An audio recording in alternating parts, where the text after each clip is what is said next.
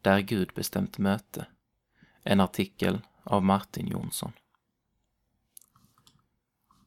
Det finns några platser där vi vet att Gud möter oss. Det är mötesplatser som Gud själv har bestämt. Och när Gud säger vi ses där, då kan vi lita på att han är där. Att vara kristen är inte endast att tro på någon, utan att leva med någon. Är man kristen lever man med Gud hela tiden. 24-7. 24 timmar om dygnet och sju dagar i veckan. Men eftersom vi inte ser Gud, vare sig Fadern, Sonen eller Anden, har Gud gett oss något konkret att se på. Dopet och nattvarden.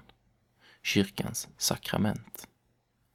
Genom dessa får vi hjälp att tro på att Gud verkligen är med oss. Att få se det vi tror.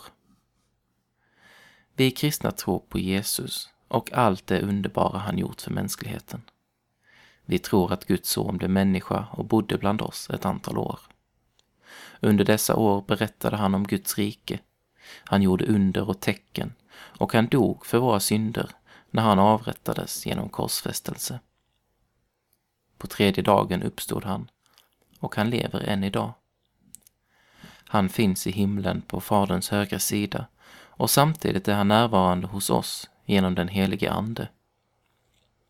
Vi tror alltså på något som hänt i historien. Det historiska som hände med Jesus från Nasaret handlade främst om att öppna vägen till Gud, som var stängd på grund av vår synd. Nu är vägen öppen och att vara kristen är att gå på den vägen, att leva i gemenskap med Gud. Det kan ibland vara svårt eftersom vi inte ser Gud, men genom kyrkans sakrament, dopet och nattvarden har vi fått något konkret att se på. Det händer utanför mig. I våra gudstjänster läser vi ur Bibeln, Guds ord, och vi förkunnar utifrån det vi läser i Bibeln. Vår tro kommer från ordets förkunnelse. Romarbrevet 10, vers 17. Men budskapet om Jesus blir mottaget på olika sätt av de som lyssnar. Jesus själv lär oss att hur vi tar emot budskapet beror på våra hjärtan och på vår mottaglighet.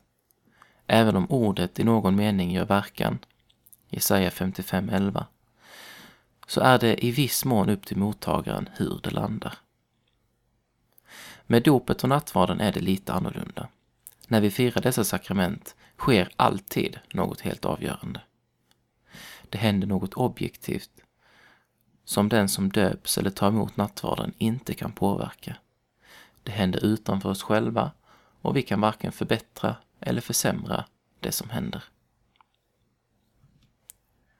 Vilan i dopet. Den som är döpt har bytt liv med Jesus. Det gamla livet, vare sig det har hunnit bli tre månader eller 30 år, har dött med Jesus i dopet. Därefter har den som döpts fått ta emot det nya livet genom att uppstå med Jesus. Den vita dopdräkten vittnar om att det syndfria liv Jesus levde är Guds gåva till den som döps. Alla ni som har blivit döpta till Kristus har blivit iklädda Kristus. Galaterbrevet 4.27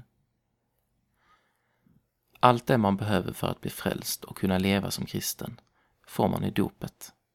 Om man hamnar i tider av svårigheter och inte orkar be, om man kommer i tvivel och tänker att det kanske inte är lönt att be, eller om man till och med går bort från Gud och tänker att han inte finns, så gäller Guds gåva i dopet. I dopet blev vi Guds barn. Och även om ett barn går bort från sina föräldrar så är det fortfarande barn till dem. På samma sätt är det med dig och Gud.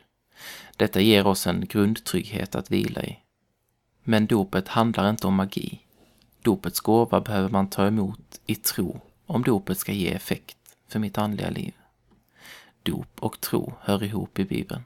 Men poängen är att vi ska komma ihåg den grundtrygghet vi har som döpta. Är du döpt i vatten, i Faderns och Sonens och den helige Andens namn, så är du ett Guds barn och det kan ingen i hela världen ta ifrån dig. Vilan i nattvarden. Olika kristna kyrkor betonar olika sidor av nattvarden. I Svenska kyrkans tradition brukar vi säga att nattvardens bröd och vin är Kristi kropp och blod samtidigt som det fortfarande är bröd och vin. Jesus är alltså fysiskt närvarande i nattvardens måltid. Nattvarden följer samma logik som dopet. Det sker något objektivt med brödet och vinet som inte påverkas av min status. Närvaron av Jesus i nattvarden är alltså inte beroende av hur jag mår, vad jag har gjort eller hur stark tro jag har. Om du är med på en väldigt tråkig gudstjänst med sega salmer och en obegriplig predikan, så är Jesus lika mycket närvarande i nattvarden som om det vore en superhärlig gudstjänst. När du räcker fram dina händer och tar emot nattvardsbrödet är det alltså Jesus själv du tar emot. Han som var med vid världens skapelse och som är konungarnas konung och herre över hela kosmos. Han vilar i dina händer och förenas med dig när du äter det bröd som ger världen liv. När vi äter och dricker av Jesus får vi evigt liv. Johannes 6.54 Dessutom blir vi vittnesbörd för världen när vi går till nattvarden.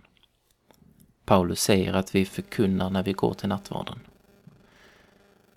Så ofta ni äter detta bröd och dricker av denna bägare förkunnar ni Herrens död till dess han kommer. Första Korintierbrevet 11, vers 26. Liksom dopet är nattvarden ingen magi. Brödet och vinet är alltid Kristi kropp och blod i mässan, men det blir endast till välsignelse då jag tar emot det i tro.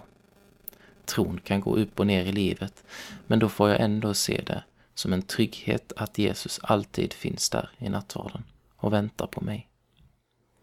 Att regelbundet möta honom där blir livgivande hjärtslag i mitt kristna liv och den bästa förberedelsen för den kommande världen. Sakramenten är Guds medel att räcka oss sin nåd så att vi kan vara säkra på att vi har fått ta emot honom. Därför kallas de i vår tradition för nådemedel. Nåden är det som vi erbjuds i Kristus. När vi tar emot den i tro får vi den som gåva. Dopet och nattvarden är därför mötesplatser där vi kan vara säkra på att vi möter Gud eftersom han har lovat att vara där. Sakrament. Vad? Handlingar som är instiftade av Jesus innehåller ett fysiskt inslag och har ett löfte kopplade till sig. I sakramentet ger Gud oss alltså en osynlig gåva genom något som är synligt. Vilka? I lutherska kyrkor räknas dopet och nattvarden som sakrament, ibland även bikten. Men det finns ingen uttalad definition. I katolska kyrkan räknas också konfirmationen, äktenskapet, de sjukas smörjelse och prästvigningen som sakrament. Bön. Tack Jesus att jag får ha en personlig relation med dig. Tack för ditt ord, för dopet och nattvarden, där du kommer till mig så konkret. Jesus, jag ber om trons gåva och att du fyller mig med ditt liv. I Jesu namn. Amen.